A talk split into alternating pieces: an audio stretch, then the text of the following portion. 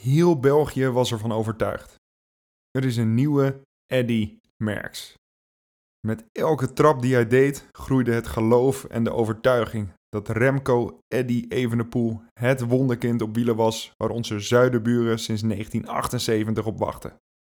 De gedroomde opvolger van Lucien van Impe als laatste Belgische winnaar van de Tour de France was eindelijk daar. De overwinningen kwamen sneller dan zijn baardgroei en zijn reputatie ging misschien nog wel harder. De kannibaal van Schepdaal was geboren en verbijsterde, verwarde, verweesde en verpletterde alles wat op zijn pad kwam. Tot 15 augustus 2020. Een stuurfoutje in de afdaling liet vriend en vijand zes tergende minuten lang hun adem inhouden. Iets waar meervoudig World Cup winnaar in het ski mountaineering en kerstverse Bora-renner Tony Paltzer nog moeite mee heeft. Ondanks zijn onmenselijke VO2 max van 92 ml per kilogram per minuut. Bij zijn valpartij brak er fysiek en mentaal het nodige, maar zijn reputatie bleef ongeschonden. Een kleine negen maanden later staat Evenepoel aan de start van zijn seizoensdebuut in de Giro d'Italia. Niet alleen als deelnemer, maar als een van de topfavorieten voor de eindoverwinning. Hoe dat kan? Luister verder. Aan de kant hier eh, gaat hij erover, gaat hij erover, gaat hij midden, gaat hij midden, of is het bot? Is Van Aert! Het is Van Aert! En nog blijft hij dat reusachtige verzet rondmalen. right now. Oh, this is absolutely fantastic. What a finale. In fact, I'm asking myself. It's going to be a huge win. Oh, look at Van Vleuten. Inimaginable, inimaginable. Christopher Froome est à pied. Boss yet again. On any terrain she wins. Marianne Vos. Aanklampen, wat harken op eh, die klim. Maar dan beseffen, als de rest gaat zitten, dan ga ik door.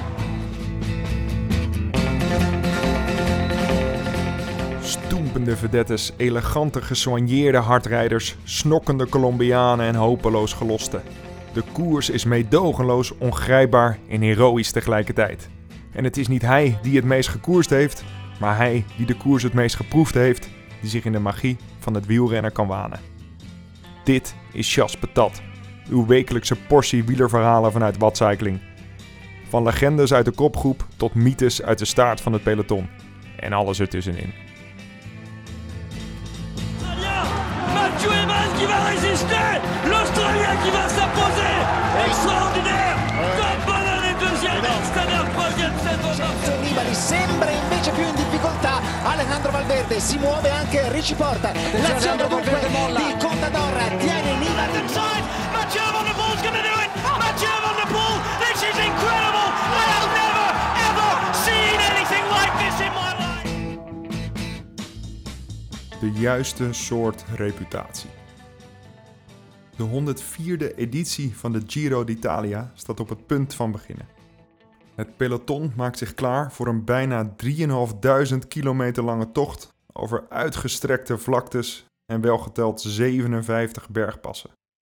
En nog voordat er ook maar iets van energie, inspanning of vaardigheid op Italiaanse bodem is getoond, heeft Remco Evenepoel een dusdanige indruk gewekt dat hij zich tot de kanshebbers voor de winst mag rekenen. Al wekenlang staat de Belgische media bol van de parcoursverkenningen van Evenepoel, eventuele vaccinaties wel of niet voor de Giro nemen en het al dan niet kopmanschap van de nationale hoop. Flinke verwachtingen voor een manneke van 21, net 1,70 lang en krap aan 60 kilo. Helemaal als je je bedenkt dat hij sinds zijn val geen koers meer gereden heeft. Hoe komt hij dan toch aan deze reputatie?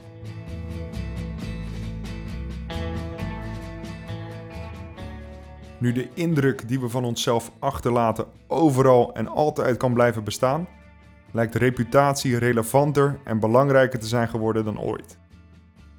De mens is altijd al gevoelig geweest voor het oordeel van anderen natuurlijk. Maar door alle Uber-taxis, thuisbezorgde restaurants, Airbnb's en podcasts, dat laat mij koud natuurlijk, maar 5 sterren zou wel fijn zijn. Alvast bedankt. Lijkt de betrouwbaarheid en indruk die we achterlaten steeds bepalender voor ons functioneren. En hoe bedriegelijk indrukken en armzalig oordelen ook kunnen zijn, we blijven maar al te graag rondjes fietsen in het sociale doolhof op zoek naar een bidonnetje bewondering of een reepje respect.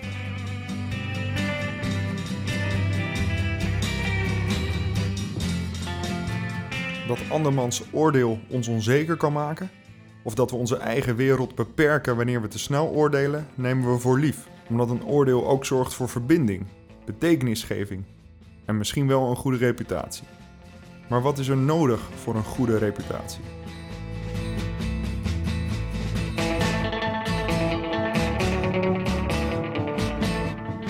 Als we iemands reputatie beoordelen, voorspellen we in feite hoe die persoon zich onder bepaalde omstandigheden zal gedragen.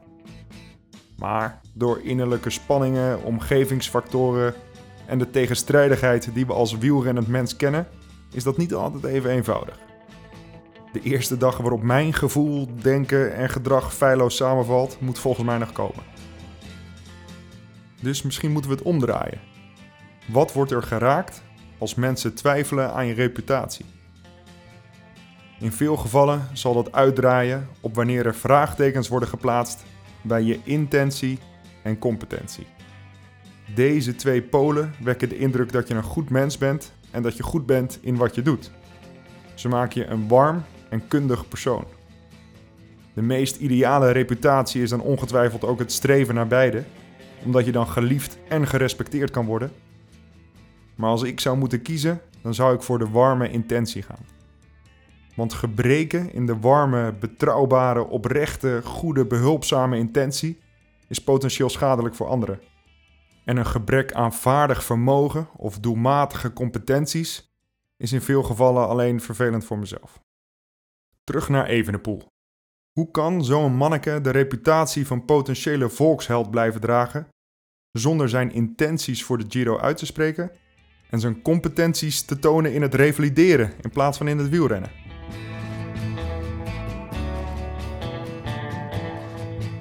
Wanneer we de klassieke held in films, boeken en het echte leven ontleden, is dat doorgaans een persoon die de onwaarschijnlijke balans tussen deze twee polen weet te bereiken. Wanneer we de renner Evenepoel in dit klassieke patroon plaatsen, blijft het volgende script over en wil ik bij deze graag het patent op de verfilming shotgunnen.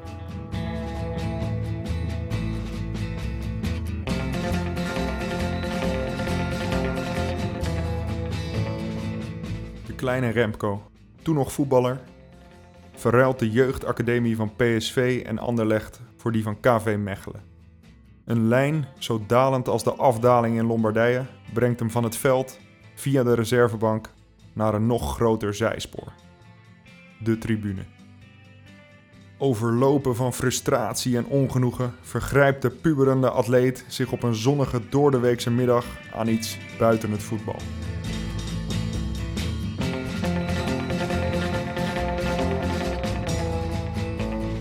Geen drank, geen drugs, maar de racefiets en de watcyclingkleding van zijn vader. Evenepoel senior komt die dag laat uit zijn werk en ziet bij thuiskomst zijn oude racefiets in de hal van hun bescheiden woning in Schepdaal staan. Met enige verbazing pakt hij de fiets om deze terug te zetten in het schuurtje wanneer zijn oog op de teller valt. 120 kilometer met een gemiddelde van 34,7 per uur. Evenepoel senior weet hiermee genoeg. Maar Remco nog niet. Hij zit tobbend op zijn kamer, zoekende naar een manier om aan zijn malaise te ontsnappen.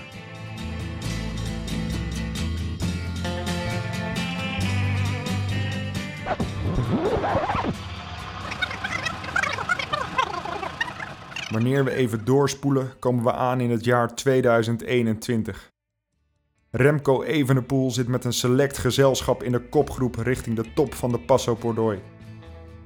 Ondanks wat schakelproblemen en een fietswissel weet hij van voren te blijven. De tegenslagen in zijn verleden hebben hem mentaal gehard. Hij wil eigenlijk demareren, maar ziet in het schaarse publiek een klein meisje op krukken. Het doet hem denken aan zijn eigen revalidatie en de pijn van de gebroken bekken.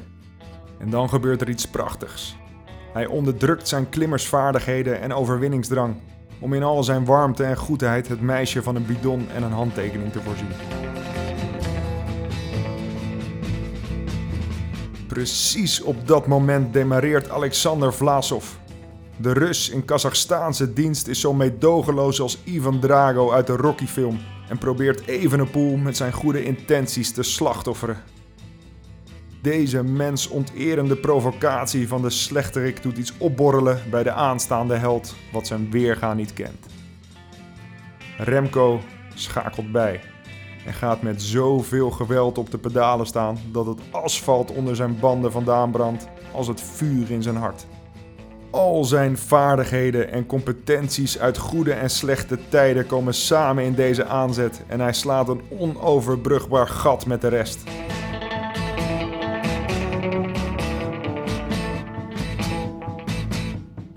Roze trui op het podium, een standbeeld op het plein in Schepdaal en een perfecte speech tijdens de Sportman van het Jaarverkiezing, waarin hij zijn vriendin ten huwelijk vraagt volgen.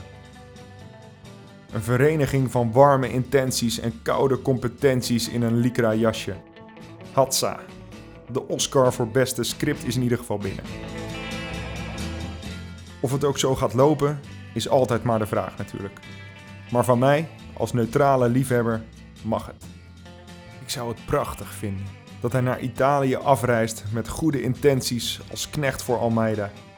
Dat hij verstopt in het peloton geniet van de zweetdruppels op zijn armen.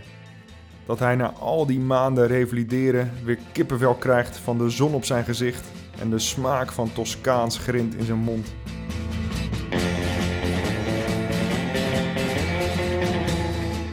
Het schuiven van zijn banden in de haarspeldbochten over brakkig asfalt resoneert als de mooiste muziek die hij zich kan voorstellen. Dat iedereen in zijn omgeving zich bevoorrecht voelt om getrakteerd te worden op plaatsvervangend plezier van het feit dat Evenepoel weer op de fiets zit.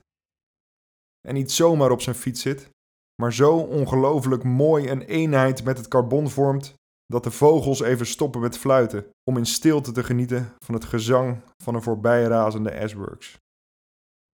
En dat hij zich in de laatste loodzware week van de Giro ontpopt als held, die zowel de intentie als de competentie bezit. Dat hij iedereen op een hoop fietst en wanneer hij solo richting de meet gaat nog even naar zijn heup wijst als herinnering aan het malheur. Misschien zelfs nog een paar keer hoog houden met zijn opgerolde windjack als knipoog naar zijn oude voetbaltrainer. We gaan het meemaken. Hij heeft in ieder geval de juiste ingrediënten om zijn reputatie als potentiële held waar te maken.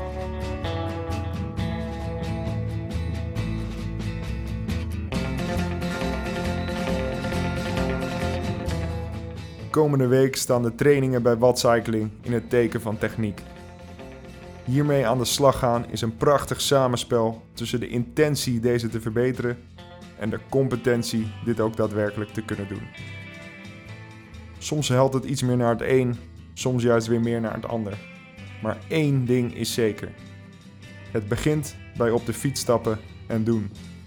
Want de reputatie van een held krijg je niet zomaar.